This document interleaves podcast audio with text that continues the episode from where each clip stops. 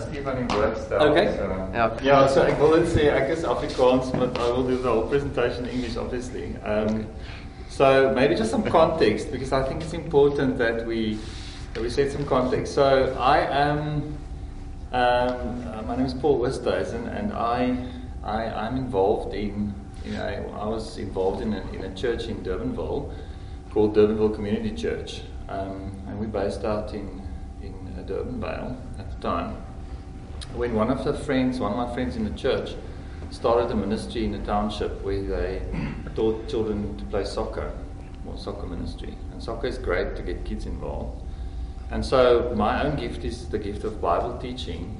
And um, and one day uh, he came to me and said, "I've got this young group of young young guy, young boys, and I would and they want to we want to start a Bible study. And do you mind starting the Bible study for us?" Um, many years ago, I read a book by Steve Farrar called Point Man. And Point Man, the book in the book, he speaks about how the enemy uh, attacks uh, society through making men ineffective in their in their community. And so he says in the book quite eloquently that at some stage, or if we want to change the future, we have to quote unquote save the boys. So what he means is that you've got to go into into young boys' lives and actually help them to be different and think differently and bring a gospel perspective to their lives. So I suppose that was the first calling that I had in terms of working in this ministry around um, saving the boys and going into ministry, and then particularly cross-cultural and getting involved in young young men's lives, young boys' lives. So I started a Bible study in this township outside Durbanville called Klipheuwel. Uh, it's now seven years ago in April. Um, and, and obviously, I suppose my passion for both Bible teaching and, and education came through in that. So I was, uh, we, we had spent quite a lot of time also helping guys to, to learn English even through this process. Um, and, and obviously, what happens is when you get involved in ministries, you know, people, you build relationships, and relationships start to foster. So, what happened was um, many of these guys were at school at the time, all of them were at school, obviously high school, um, but some of them have now finished school and they have started to go into the workplace and so on.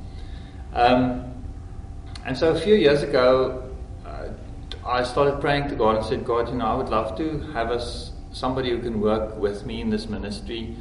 Uh, I mean, we are there are other guys from the church plant that, that is working in the community.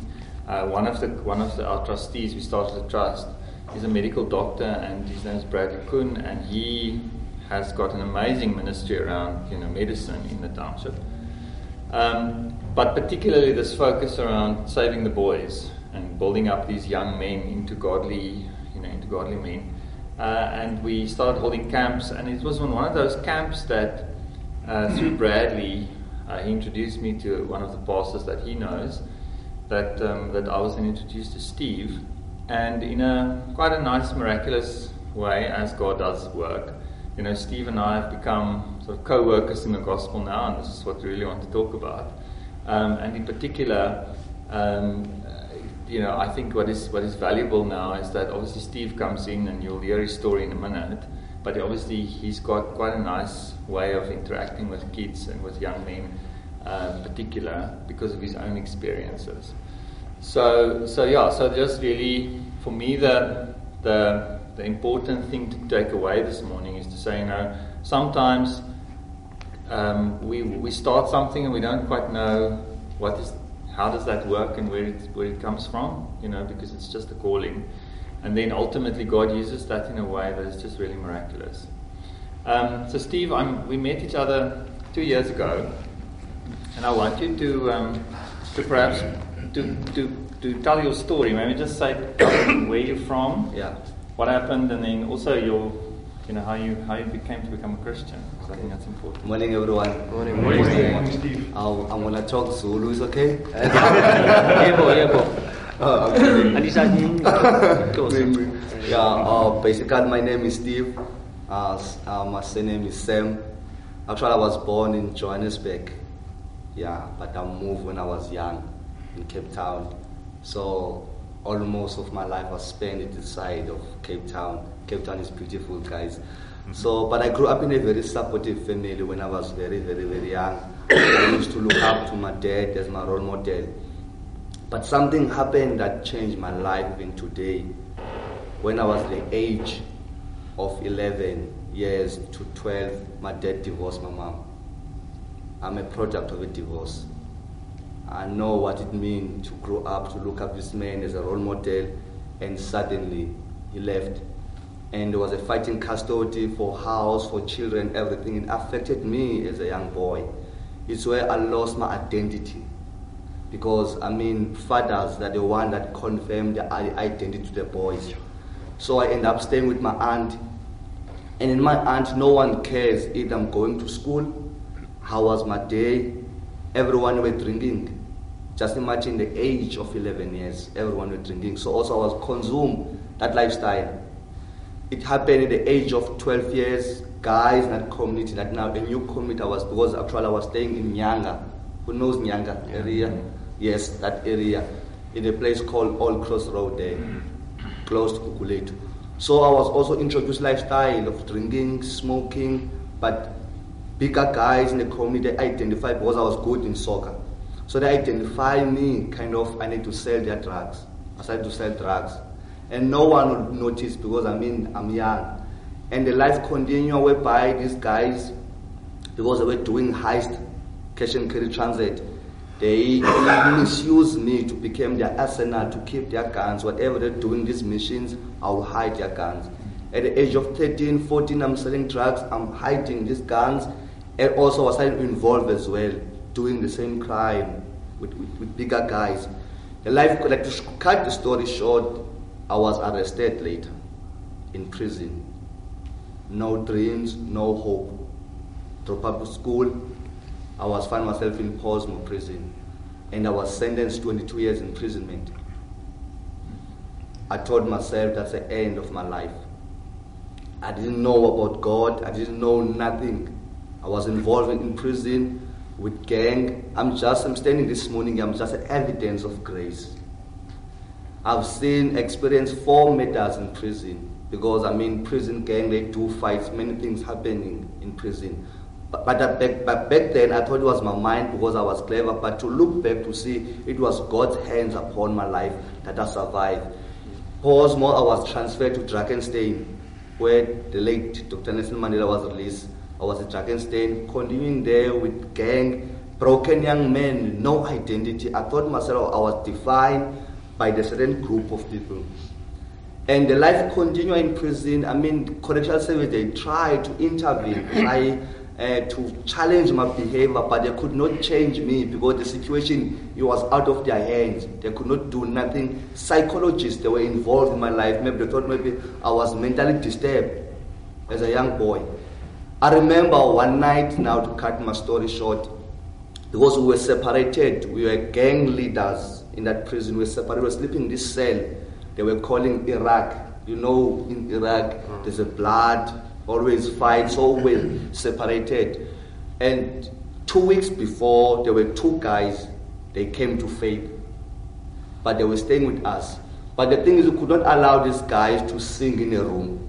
They were Christian, but they needed to go in the bathroom because we were generals, we were leaders here, don't want any noise. And two weeks after, I remember I was just high in drugs, laying in my bed. These guys were singing in the bathroom. I heard a voice. I didn't know back then that it was the Holy Spirit, but I know now. I heard a voice say to me, You need to get out of your bed and join these guys. And I was looking around, maybe I think maybe somebody is talking to me, but I see the guys, they are playing dice, cards, no one cares. But but strange enough, this voice does not force, but I just experience a first time experience a peace inside of me. And again I'm looking around, again the second time this voice you need to get out of your bed and join them. Even today, I didn't know how did I. I found myself I was standing in a bathroom. It's the first time that I was crying because as a gang we were told that you cannot cry, don't experience the pain. The enemy stole away my identity. So I was wearing this mask as if I'm strong, everyone looking up to me because I influenced many guys in prison. I find myself crying in a bathroom, and it's a big embarrassment because it's a sign that you are weak, you cannot cry, so called as a man. But I could not hold myself. I was crying, realized I'm so broken. Deep down, there was a boy that was crying, that was longing for the freedom. And this guy, they said, Man, do you need Jesus? I didn't know about Jesus, but I said, Man, I need Jesus. I didn't have any idea. And they introduced me to Jesus. And that evening, I accepted Christ. I, I could feel the peace for the first time inside, regardless that I was in maximum. But I could feel the peace inside. But my journey was not easy in prison because I influenced many guys. We stabbed many people, so I have enemies all over the prison now. And I'm kind of I'm a seller now because I betray a brotherhood. But I've seen God how protected me all those years. It happened while I was busy now. I was growing in my faith now in prison. But many were still doubting me.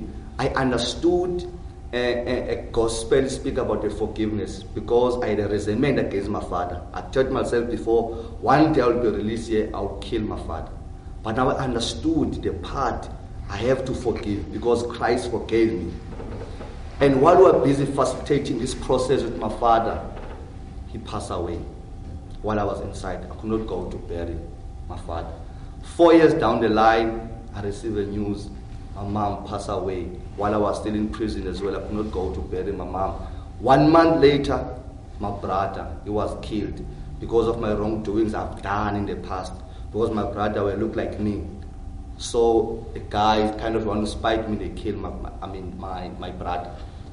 In those dark moments, I think it's where for me a transition for my life to be strong in faith. Those dark moments, I've seen God's hands upon me God reaffirming me that my son, I've raised you in these last days for my purpose.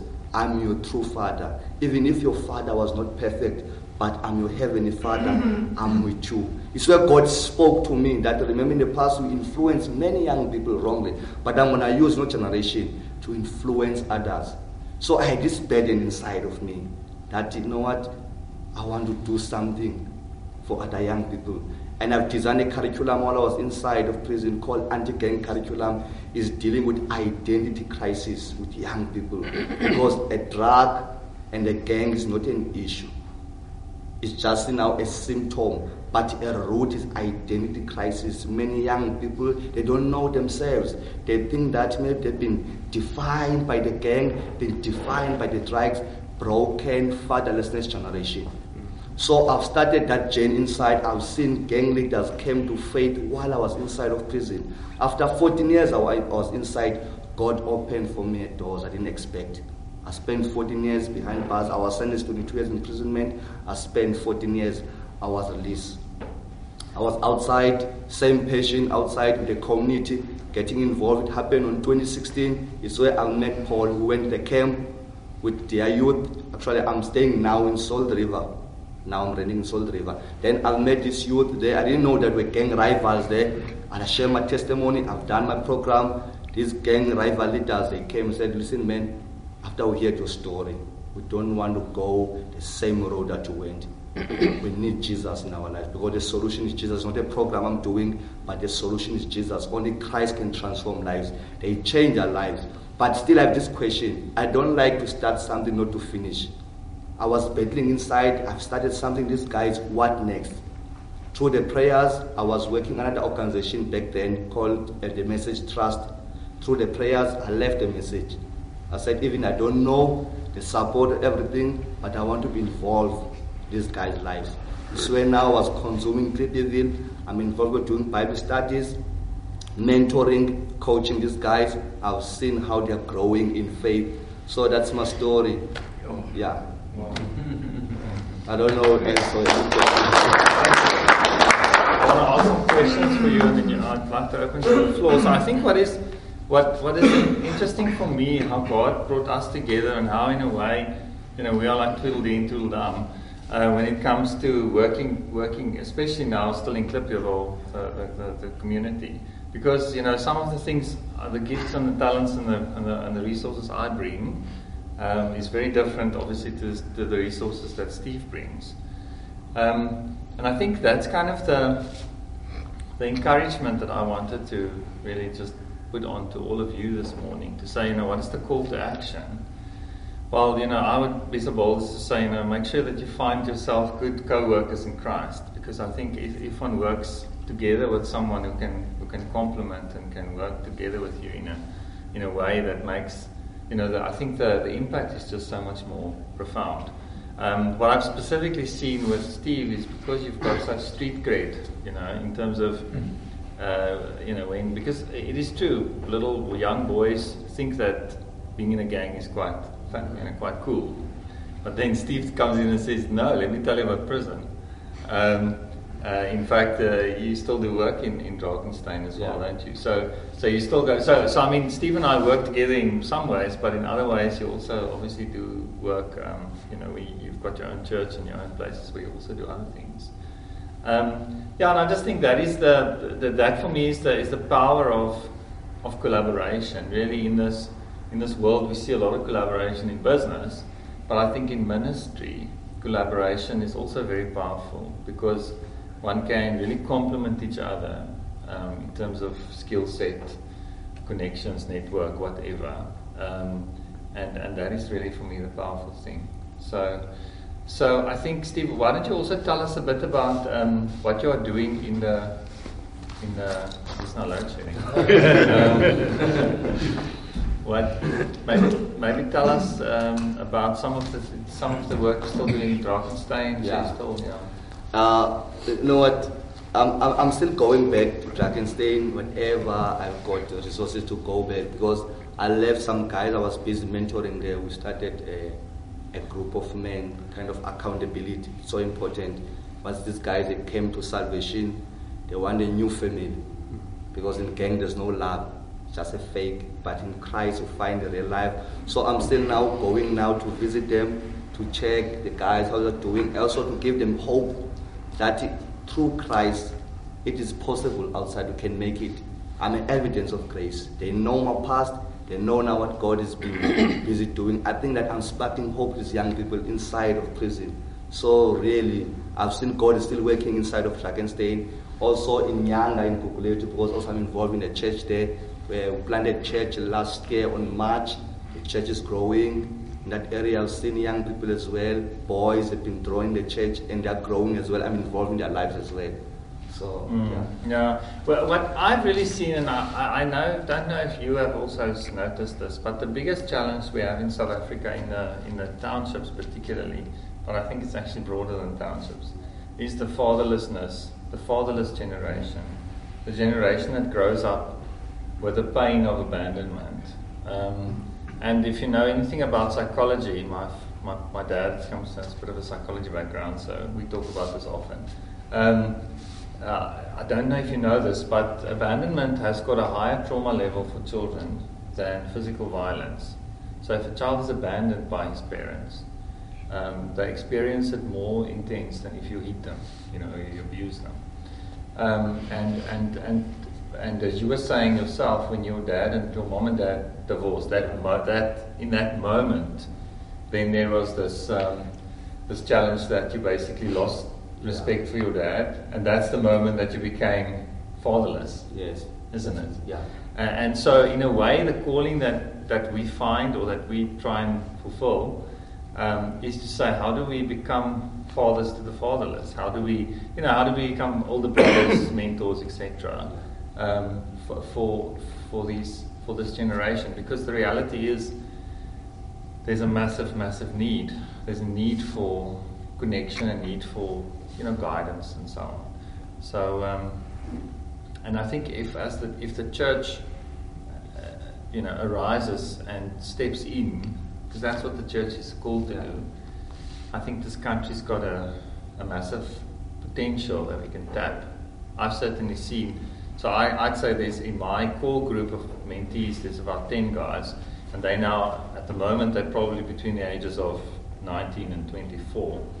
Um, and if I look at if I look at these guys, many of them are now economically active, they're working and so on. It really is astounding for me the amount of crea- creativity, the amount of energy that, that, that is within them, you know, and and uh, and I think what yeah, so so I think just you know, in a way, if we as a church can can help unlock this this generation that's kind of latent, that's that's right there to to kind of start taking the lead, and if we can be that sort of leaders to show them the way. Um, in, a, in a godly way. Yeah. Because the reality is the world's leadership you know, we see the world's leadership in the Zondo Commission, don't we? we see it there. We see leaders that just care about themselves. Um, that's what the world talks about as leaders. But obviously, the Bible leadership is about serving. It's about, it's about being Christ um, and and showing and leading as Christ. So, yeah. So Steve and I, we kind of talk as ourselves like you know Paul and Timothy. Obviously, I have the benefit of, of referring to myself as Paul in the Bible. It's my name is Paul. Um, um, but so yeah, so we co-workers in the gospel, and it's a real privilege, bro, to work with you. And uh, yeah, I just want to, I just want to thank you as well for everything you do uh, in terms of in the ministry and in your life and in my life. Um, and I think, yeah, it's really cool. So I don't know if there's any questions that anybody has. What is, what is your need? Our need is well, it's always prayer. It's always prayer. You know, we need to pray that God will kind of break down the strongholds. There's a lot of strongholds, whether it's cultural, whether it's sin, you know, and particularly the biggest sins we face, are faced with is obviously, um, uh, you know, lifestyle sin, which is either drug, alcohol abuse, uh, sexual abuse, and so on. Um, and then there's always the financial need, you know, we our trust that we have, uh, Josiah trust we call it. Um, you know, you know, you know what it's like if you if you serve in a in a poor community. There's always there's always need, whether it's buying shoes for kids that don't have shoes to go to school, or you know whatever. Um, yeah, so I'd say those are the two the two big needs. Um, and then my big need is, my big desire as an individual is to spur others on to say, you know, we must make sure that everybody does have some influence. Everyone, all of us have got circles of influence. Mm. And my, so my challenge is always uh, to, to, to, sort of exhort everyone and say, please make sure that you, in your circle of influence, you know, are intentional. Because if you're intentional in your circle of influence, it's amazing what God does. It really is. So those are my three needs. Praying, funding, and follow me as I follow Christ, in the words of Paul. And how many people are leading the, the uh, organization at the moment? We have, so we have three or four trustees, and then we have a number of workers in the gospel, a number of church people that go. So we've got some teachers that go and teach the kids, so we've got some after school programs.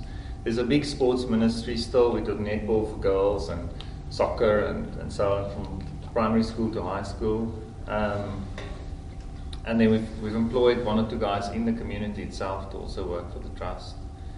Uh, uh, God was gracious to us. We, when we started work in the, in the, in the township, we had no physical, um, you know, property or anything.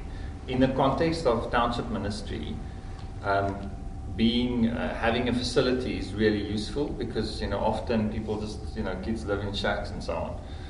Um, and through the seven years that I've been involved, you know we've actually gotten a property. There's a building on which we've restored as an old church, uh, and we have been uh, we have we have probably raised uh, around about a million rand for facilities. We've built a there's a preschool on the premises. There's a clinic now with Brad as the doctor the visiting physician. Um, we have a gym for some of the young guys. We have um, classrooms and also soup kitchen. And then there's a church. So, yeah, so that, you know, God has been really gracious. Is that, in, sorry, is that in... Uh, in Klipheuwel. Klipheuwel. Yeah. So particularly where I started, um, you know, with the ministry that I'm involved in. I didn't start the Klipheuwel ministry. I just started my little Bible study. But I mean, I've been involved in it pretty much from inception. Now, we always think um, I've, I've, i make use of uh, casual guys, and they're from Kalbaskraal, and they clip over Kalbaskraal.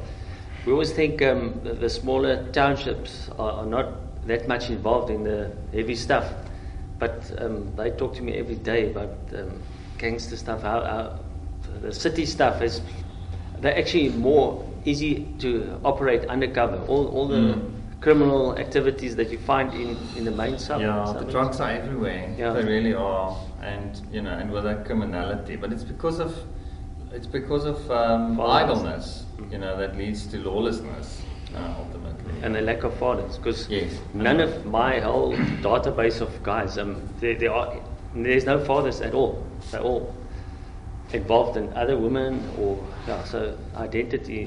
One of my guys came also came out of the gangsters. It was so close. He, he lost three cousins through murder. He's been in jail everything. And um, yeah it's just my my little purpose is to actually be the father for them. Mm, no, And- absolutely. and I recycle them because they're not employed permanently. No, but, but you're absolutely right. This is the thing, and, and it's a you know, and it's a the, the, the need is very big. So in Matthew nine, Jesus says to the disciples, or the, the Matthew speak uh, writes, and he says, when when Jesus saw the crowds, he had compassion on them because they were harassed and helpless, like a sheep without a shepherd. And he said to his disciples, Look, the harvest is plentiful, but the workers are few. Pray therefore that the Lord of the harvest will send workers into the field. And, and that today is my is my kind of exhortation to, to you, just maybe as a reminder and also as a as a as a, as a almost like a yeah like a call to action to say, you know, the workers are few, but the but the harvest is ready.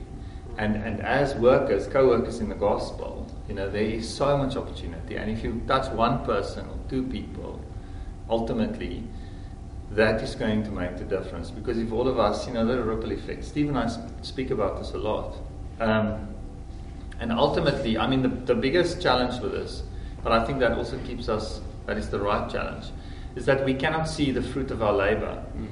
Um, but I, I read a book that inspires me on my life journey, um, where I am at at the moment, where uh, the one guy quotes to the other guy and says, The fruit of my labor grow on other people's trees.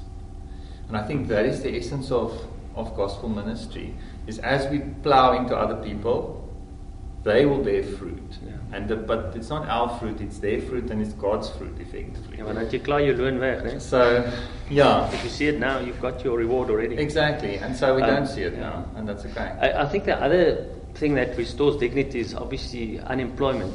Yeah. It's probably the second biggest uh, no father symbol there to support, but um, Yeah, that's employment is also restores Yeah, your dignity. That's a challenge that one like not to earn. Mm. But one of the- one things that I'm teaching like young people sometimes I understand our upbringing, everything, but uh, we have that hashtag uh, shifting the blame. Sometimes like you need to learn to take a responsibility. I, I know back then I was young, but now I cannot always my action. My father was not there, that's why I acted. We, ne- we never learn. It is time to start to take a responsibility because tomorrow I'm gonna be a father, I'm gonna be a husband of somebody. So it's time now to take a responsibility. One of the things I'm challenging my guys, take full responsibility, not to shift the blames. Because the reason I'm committing crime, there's no work, there's no one at home. No, you're not gonna grow. You have to take a responsibility. I think there are two things that hold people back. Sorry, a lot that I see. The one is the, the lack of forgiveness. So the wounds that are there are deep and real, especially the abandonment wounds, especially from the absent fathers. But the thing is, if there is then a, a resentment around my my wound, um, uh, that becomes a prison. That becomes in itself an inability to move forward. Um, so many years ago, I read a very good book about forgiveness, um, uh, which does exhortation from Matthew 18, which speaks about that that king that that had uh, that servants owed money to, and then Yeah. he forgave him, and then the guy went out to find another guy that owed him small money, and then threw him in prison. So the, that whole story, um, you know, and that for, unforgiveness effectively in that context is a prison and is something that holds you. And I think ah, we can see that. We can see that in the if you work with a young young person, a young man, and he's got massive issues around his parents, particularly his father. If he doesn't deal with it, like if you don't get to that stage where you say, okay, we can lead into forgiveness, he's stuck. He really is stuck. He can't move. He really can't because he will not work well. He will not engage with anybody properly. He will be aggressive at work and in the township and so on. So you've got to get into the stage where he kind of says, okay, God's grace is enough for my dad, for him to actually move forward. How Sorry. many kids are involved at the moment? We, the total ministry probably touches, I don't know, 100 children. You know, um, And, and what language do they speak? mostly Xhosa and Sotho actually. Some of Is them are there, there a need for Bibles? Always. Yes. Always a need for Bibles. yes, absolutely. Um, yeah, Bibles, but English Bibles are great because uh, we force them to learn English. So I've got this thing that, you know, my mother is an English teacher, so I think I get it from her. Um, and, and English is a life skill, especially in, in our country. Yeah. Uh, and if you, and, and one of the biggest travesties of our education system is the fact that we fin- kids finish high school and they really can't speak English. So, so we, we kind of, that's why, so when I started in the township, I always had this dream, I want to learn Xhosa. But because I became an English Bible teacher, I actually, I've never learned Xhosa because I force everybody to speak English to me so that I can, you know, because that actually helps them later on in their life. I'll still learn Xhosa at some stage, but now Steve's there, so. Um, but yeah, so, I, so but definitely the English Bibles, the NIVs are great. But I mean, Xhosa is fine, but we, we, I believe the English is better for the kids because that helps them to, to kind of learn English as well and actually get the Bible knowledge. And, and transport wise? Ach, we go there. So sometimes we have events, and then we. But we have some people that give us. We, we actually have a guy that uh, runs a, a nursery out in Durbanville, Durbanville, and uh, he's got a little truck, so we'll often, uh, you know, use that to to. Um, Anton, it seems like you've got you've got if you planned need, here. if you have stuff you want to give us, you Yeah. must. Uh, I know because uh, you. I know, I- Just asking. I, I That's thought fine. maybe you've got a truck full of Bibles outside. Exactly. You can give us the truck full of Bible. to get involved in something like that. But I still think that, uh, sorry, I was saying this to Steve last night. Um, so we, we go to our ministry on, on Thursday night, so we had a late night and early morning. Uh, we only got home at 9, uh, 9.30. But I, um, so I once read something that said, unconditional love is the greatest force in the universe. And in a way, that's the real need, is to show unconditional love. I think that's our real need in terms of, because that is the force that changes people. If we engage with some young guys, I've got this one guy, I call him my prodigal son, um, which I've now known for many years. Um, and every time he messes up and I have to kind of, you know, forgive him uh, and show him grace, um, I'm reminded that that is the force that will lead him to Christ. Because it is the unconditional love that I exhibit that comes from God that ultimately leads us and me and led me to Christ. To Christ. And so that is the that is the only yeah. So I think in a way, and this is tough, especially in business. I'm in business too. I'm a chartered accountant by trade, just in case you were wondering. Um, but I think sometimes in business it's important as well that we, in some shape or form, show grace. You know, despite the truth that we need to show, that we that we can demonstrate grace and unconditional love in a way, because that is the, the force that changes people. Ultimately, I believe. uh, You want to say something? yeah, but questions before I can for the prayer request from you. Any questions around before I'm gonna do my prayer request? I've got this thing that Pollsmoor is this, you know, if, if I can say hot curry kind of place, and then you go to Drakenstein and it's this, this mild, it's better. I think I'm wrong if I if I think that way. I didn't. I didn't No, no. If you if you go to Pollsmoor, A comparison Yeah, if you the two compare to prisons. Oh, President Paul's when Drakenstein. yeah, and and you know when you ever hear that somebody is going to like Worcester, It's like now, five star to three star. No. The same. Is, is it? Is I it mean, I mean, inside, sometimes society have a wrong perception when they look outside, Yeah. as if these people are living in a luxury life. But I mean, if we can witness for a day, we may find out, you know what, it's not like that. so life is not better in Worcester. You know, it's not better. I'm telling you, it is more difficult because you are away from your family, everything, at least in prison, but still the prison mm. because the system still apply to everyone. Sometimes I'm wondering these guys, they offend again inside, kind of, they, they don't have any purpose in life because they really want to understand there's no life in prison. We try to run things normally, but it's abnormally situation because prison, there's no life, really. Uh, any question before I can? What what happens to you? So you're a gang mem- member, Yes. and then you um, get conver- converted. Is Yes. that right? Yes. Uh, how, how, how do your fellow might see you then? Do they see you as a, a, a dro, what's it, droster? You know, It's like a France or a, you become just a different level. like a No, or like because of my wrong track record and what I was doing, they know I was so radical when it comes to a gang. But it bring them. That's why many of them they came to salvation because they know that in the past my heart like or the heart of stone. I was like I was so cruel. But to see now the way I'm so gentle now, I can smile, I can cry, I can hug because the gang cannot hug me. Come on, bruh. Do you understand? But now to show that real love, that's why some they are so drawn now because they can see there's something happened to me because they know my previous ways, but they see now what is happening in my life. They will respect, not respect me as a person, but the spirit of God inside of me is present. So, but so it's very radical. So they either see you as an enemy or a friend, or and do they want to kill you, for instance, or hurt you, or get you back into the gang? Or Back then, when I was inside, I mean, the, the few months uh, soon after I've changed, there were many rumors around because, I mean, I've done some harm to others. So it was an opportunity now because I, I, that time I didn't have a brotherhood that will, can protect me. I was on my own. But as the time goes by, through the grace of God, I've seen God protected me up until it come to the point, wait a minute, bruh, you got a respect for you. You're not faking to make it. You can see every day this journey. The way that you conduct yourself, that really something happened. But I could not tell because I mean they're, they're still so blind, but they could see something different about me. So how many years were you in prison before you were released? I spent 14 years. Was it 14? Yes. Uh, w- Were you tried as a youth or I was, I was still young at that time. yes, I was You were still- 17 when Yeah, I was 17 to 18. just still a minor? yeah, so I was, I was still a juvenile back then. So, so I grew up in prison.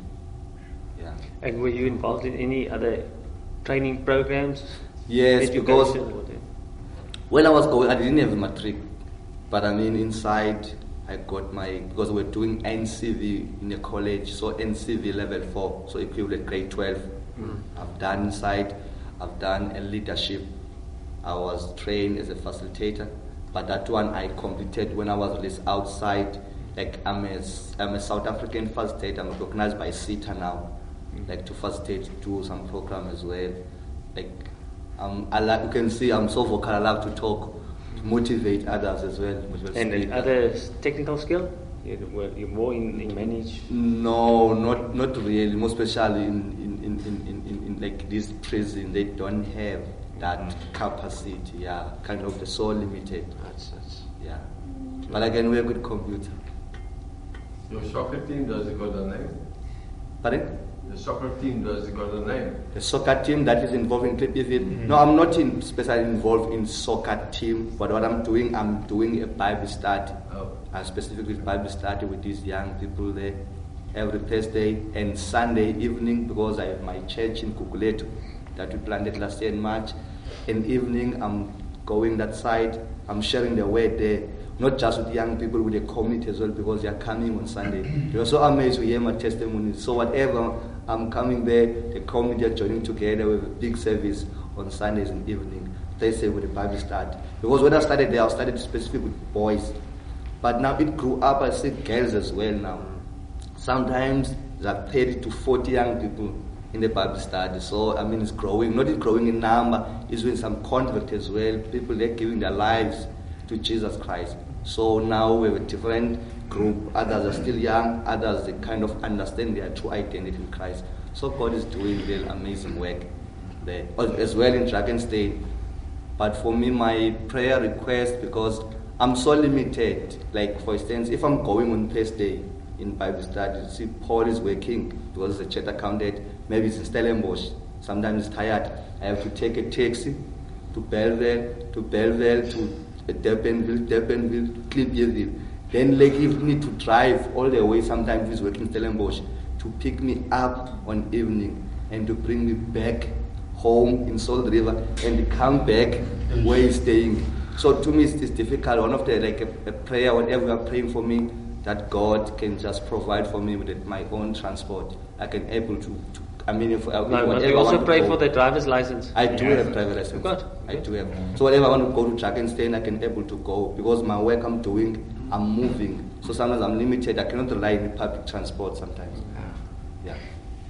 But do you have a church in Yanga? Yes, in Gugulethu. Gugulethu? Yes. Okay. So you stay in Salt River Church in Gugulethu. how, how many years have you been out? So Uh, you I were was I was I was released in 2016 around October. Okay, so 11, 11 of October was released 2016. 2016. So you're 34.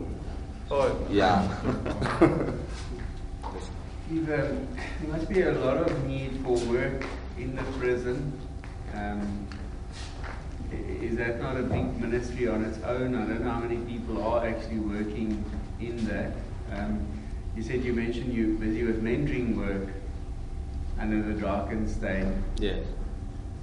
Um, I mean, you mentioned that you know the work is is, is, is Well, so the organization was called again, um, the one that we were into work. Um, The message, trust. the Message Trust. So they had a, se- a, a thing last year which I attended in Kalicha, and there were 24 guys that gave their testimony that are in prison, uh, that are after one week or still in prison. So the the, the, the, the, the ministry in the, in the in the prison is amazing. There's some amazing ministries. I mean, the Message Trust. There's other people that do it as well, and there are a lot of converts, isn't it? So uh, yeah, but I mean, there's obviously always a need. Yeah, but we need support. People that can get involved as well. Yeah. I mean, to, give that hope to these young people. Because some of them, they, like, when I look this group, kind of, they are, we are staying in the role of a father. Whenever you come there, I mean, you bring that hope, you spark something with young people. Some of them have been rejected by their families, although they already changed their lives. So it's difficult. But I mean, God is yes, God is still at work. No questions? No. Do you, do you have a day job that a nine to five or? No, that's why actually I'm on Monday now because I, I'm not earning salary. So Monday I went to the interview. So they said they're gonna. I think I'm gonna receive call today. Okay. Yeah, potential like in April. I mean to work because soon I want to get married. Soon I have my oh I want my, my own family. So yeah, I'm trusting God that things will work out for me. I can able to have a sustainable income for me as well. Okay, thank you. Sure. You, you said we're going to pray for you. So we know one of your prayer requests is that. Uh, Yeah. Yeah, I so. Do you guys mind if we pray? nee, nee. You've got the girl. You, No, he doesn't have a Pray as well. Pray as well because to pray I, I don't want. I don't want. want to say that. I don't want just to pick on my own side. I want to pick somebody that God has sent. You're gonna able to support me Yes. to change because I've Amen. seen many people they entered in a marriage with wrong couples. So I want to. I mean, to a godly woman that they're gonna able to walk with me this change. Especially, really your, hard for the Lord. especially supporting the ministry. Yes. Amen. Because God have called. me. Okay, let's pray for you. Um, steek julle hande uit. We're going to bless you. Really. Um, ja.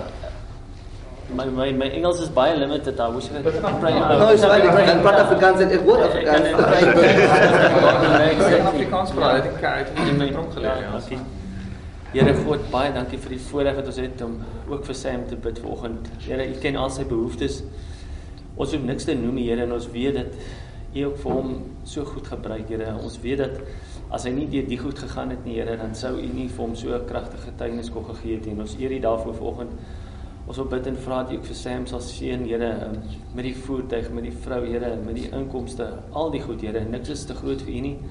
Here, U bevestig maar net U genade vanoggend weer en ons wil hom ondersteun ook in gebed en dat ons hom sal dra en ook uitsien Here hoe ek voorsien in sy behoeftes. Ons eer U daarvoor vanoggend. Amen. Amen.